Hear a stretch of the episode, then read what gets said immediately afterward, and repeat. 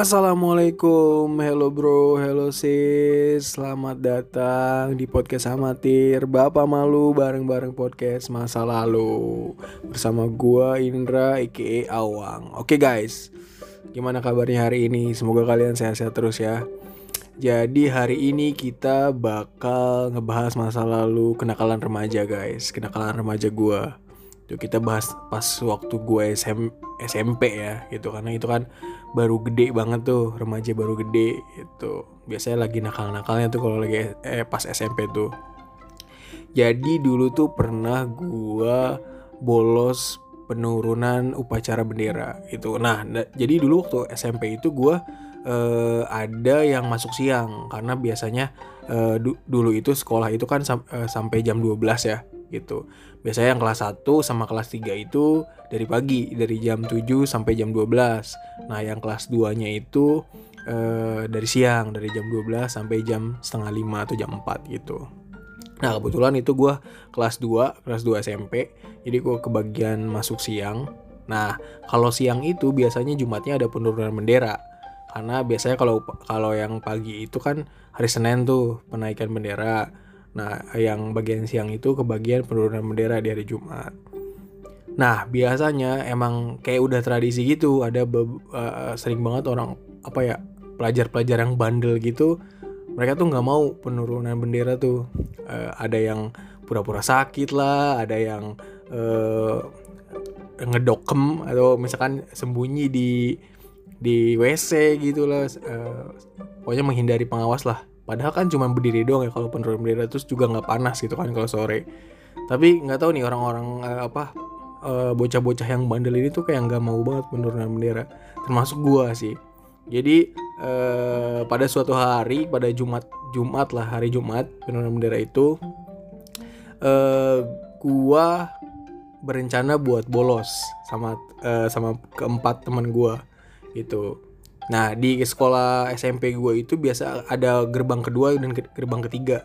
Nah gerbang kedua itu di samping gitu. Nah kebetulan seko uh, lokasi sekolah SMP uh, gue itu ketika itu tuh di tengah-tengah perumahan guys gitu. Jadi ada perumahan terus di tengah-tengahnya itu ada sekolah SMP SMP gue gitu. Jadi ketika lu keluar sekolah tuh lu langsung ke lingkungan perumahan itu gitu komplek gitu Nah, e, biasanya kan e, penurunan upacara itu mulai dari jam 4, jam 4 sampai jam setengah 5. Nah, dari jam 3 gue udah prepare karena biasanya setengah 4 itu udah nggak ada nggak ada pelajaran biasanya. Kita prepare beres-beres e, penurunan e, upacara, penurunan bendera, habis itu pulang gitu kan.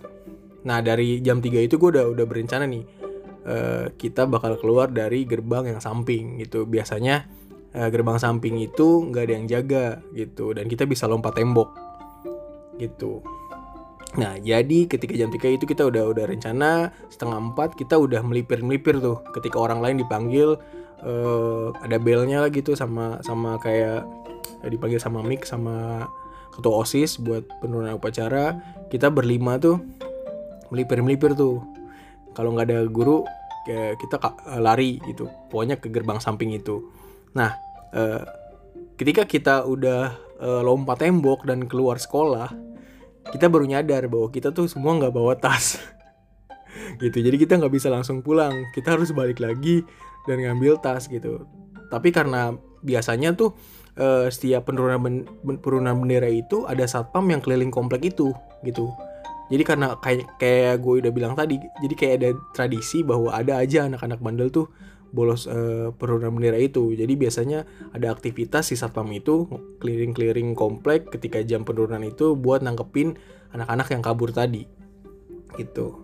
Singkat cerita, uh, gua keluar komplek dan kita berpikir oh kita sembunyi aja dulu ngambil tasnya nanti ketika uh, sekolah udah bubar gitu sekolah udah bubar baru kita nanti ngam ngambil tas ke kelas gitu akhirnya kita sembunyi kita lari kita nyari uh, rumah yang kosong lah itu dan banyak banget warga yang ngeliatin kita gitu. Kayak udah tahu aktivitasnya wah ini bolos nih bocah nih gitu. Karena lari-lari di komplek gitu kan pakai pakai seragam sekolah gitu. Masih jam sekolah waktu itu masih setengah empat gitu. Akhirnya kita sembunyi kayak di rumah kosong gitu kita diem pokoknya.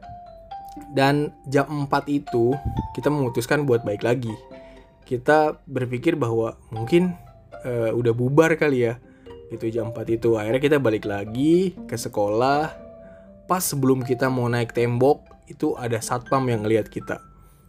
Dan uh, terjadilah adegan kejar-kejaran guys. Dan gak adilnya si satpam ini pakai motor. Kita lari. Gitu. Dan begonya lagi kita tuh nggak pencar larinya. Jadi bener-bener berlima tuh lari dalam satu jalan. Kita bingung mau mau sembunyi di mana karena dia pakai motor akhirnya e, dibantu sama warga ketangkaplah kita. Singkat cerita. Ketangkep lima orang ini terus dibawa. Pertama ternyata e, si upacaranya itu belum selesai. Hampir selesai. Itu jadi kita dibawa ke ruang guru. Itu kita di, di, disuruh jongkok di situ. Ternyata di, di dalam ruang guru itu nggak cuman kita doang berlima tapi ada lagi enam orang yang uh, ketangkep juga gitu. Entah ketangkepnya di mana cuman kita jadi bersebelas di situ. Bersebelas di situ dimarah-marahin intinya kita dimaki-maki lah. Gitu dimaki-maki pokoknya uh, ada yang uh, sampai dibentak juga gitu. Dan puncaknya adalah kita uh, digampar satu-satu. Itu sama guru olahraga kita masih inget banget itu. Dan suaranya tuh kenceng sampai kedengeran ke Eh, anak-anak uh, yang lagi penurunan bendera gitu. Terus uh, kita digampar satu-satu pak pak pak gue gue suara kenceng banget sama guru olahraga itu. Terus gue kira bakal selesai kan sampai di situ gitu digampar. Mungkin besoknya dipanggil orang tua atau gimana. Tapi ternyata belum selesai guys. E, penderitaan itu masih berlanjut jadi kita digiring setelah upacara bendera selesai nih, penurunan bendera udah selesai, anak-anak tapi nggak dibubarin gitu. Jadi kita disuruh ke tengah ke depan gitu kayak ke panggungnya biasanya pembina upacara gitu. Suruh berjejer tuh 11 orang itu. Terus eh, yang masih gue inget perkataan kepala sekolah waktu itu. Dia bilang, ini dia 11 finalis AFI. Uh, kalau kalian nggak tahu, AFI itu dulu ada ajang kontes nyanyi gitu, lagi populer banget ketika tahun itu. Uh, jadi mereka tuh semua jadi bahan ketawaan lah. Semua ketawa, gue cuma nunduk. Ketika nunduk itu gue nggak boleh nunduk, harus kepalanya tegak gitu. Padahal gue di situ udah malu banget, pipi udah merah gara-gara digampar gitu kan. Itu. Tapi uh, pelajaran moralnya adalah gimana ya sebandel-bandelnya kita uh, senakal-nakalnya kita ketika remaja gitu waktu zaman gue dulu ya gitu.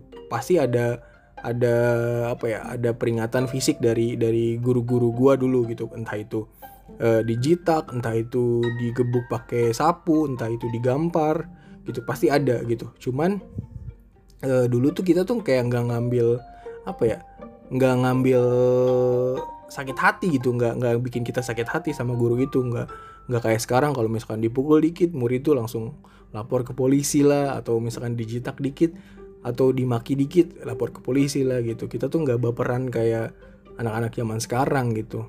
Menurut gue tapi itu jadi pengalaman yang e, berharga juga gitu bahwa dulu tuh guru tuh membimbing kita tuh all out gitu.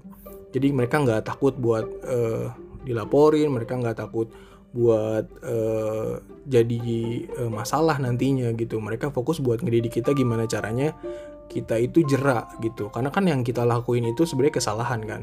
Itu kecuali kalau gurunya itu melakukan tindakan fisik kayak gampar segala macam itu uh, tanpa alasan gitu. Ya itu mungkin bisa disalahkan. Cuman ketika kalau misalkan kita bandel menurut gua uh, dan menurut takaran gua juga ketika bolos uh, penurunan bendera itu udah udah emang harusnya dapat pelajaran di gambar itu sih menurut gue dipermalukan itu.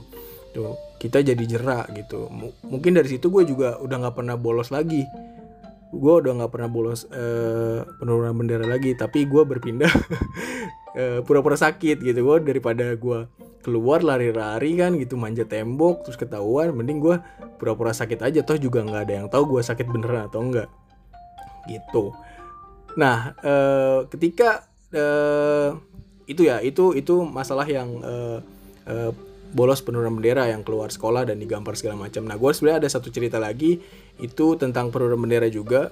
Jadi ketika itu gue males banget uh, buat uh, penurunan bendera itu buat males berdiri lah gitu istilahnya terus gue juga waktu itu lagi nggak bawa topi gitu dan biasanya kalau upacara atau penurunan upacara itu kan kita harus wajib atribut ya harus topi lah harus dasi lah gitu baju dimasukin lah sedangkan uh, anak-anak dulu kan males banget buat masukin ke baju rapi gitu udah males banget lah yang cowok-cowok zaman dulu tuh gitu. Akhirnya gue mutusin buat bikin sandiwara gimana caranya gue nggak ikut penurunan.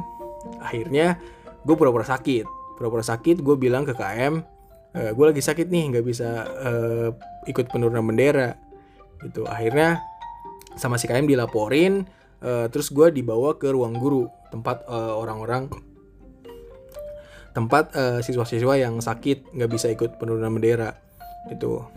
Gue dibawa ke situ ada beberapa orang gue duduk di meja guru dan ketika itu datang guru agama uh, ke ke kantor ke ruang guru itu terus bilang gini nanti kita ada pemeriksaan ya kalian uh, sakit beneran atau enggak. Di situ gue udah panik kan itu wah gimana nih? Nanti gue ketahuan lagi gue pura-pura sakit gitu kan.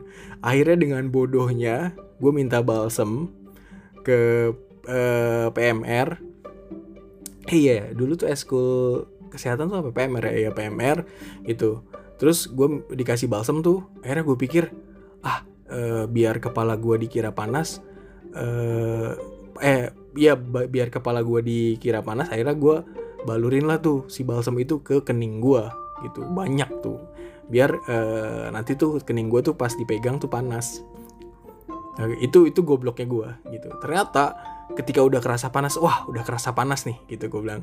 Nanti kalau misalkan guru uh, guru agama itu baik lagi buat meriksa kepala pening gue udah eh kening gue udah panas gitu. Berarti gue udah kelihatan kayak orang sakit. Nah udah kerasa panas nih pas gue pegang kening gue lah kok nggak panas ya? gue bilang lah kok gue ngerasa panas uh, kening gue tapi kok pas gue pegang kening gue kok nggak panas ya gue bilang gitu.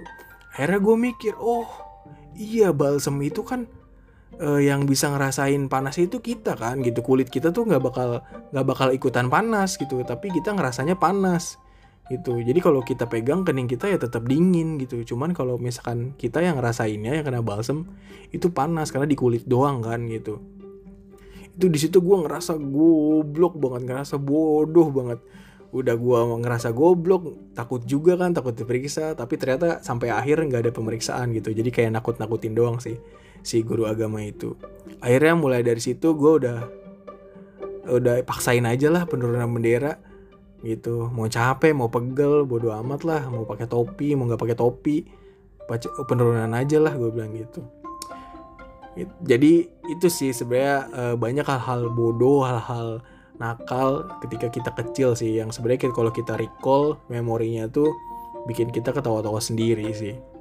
Itu kalau kalian punya nggak sih uh, memori-memori yang kayak gitu yang asik banget buat diceritain sama teman diceritain sama pasangan gitu. Dan kita bisa ngakak lagi oh ternyata gue tuh dulu kayak gini ya gitu. Dan menurut gue dua pengalaman tadi uh, ketika gue kelas 2 SMP itu uh, pengalaman yang uh, lucu dan berharga sih buat gue jadi suatu saat kalau misalkan gue emang ketemu teman-teman SMP gue itu gue bakal recall lagi ke mereka supaya kita uh, bisa ngerasain lah nostalgia masa-masa uh, saat itu gitu. Jadi kalau misalkan uh, kalian butuh apa ya butuh penyegaran di hidup kalian I think kalian bisa mengingat masa-masa uh, lucu kalian dulu sih gitu. Uh, 10 tahun yang lalu 15 tahun yang lalu itu oke guys mungkin segitu dulu. Nanti kita ketemu lagi di episode berikutnya.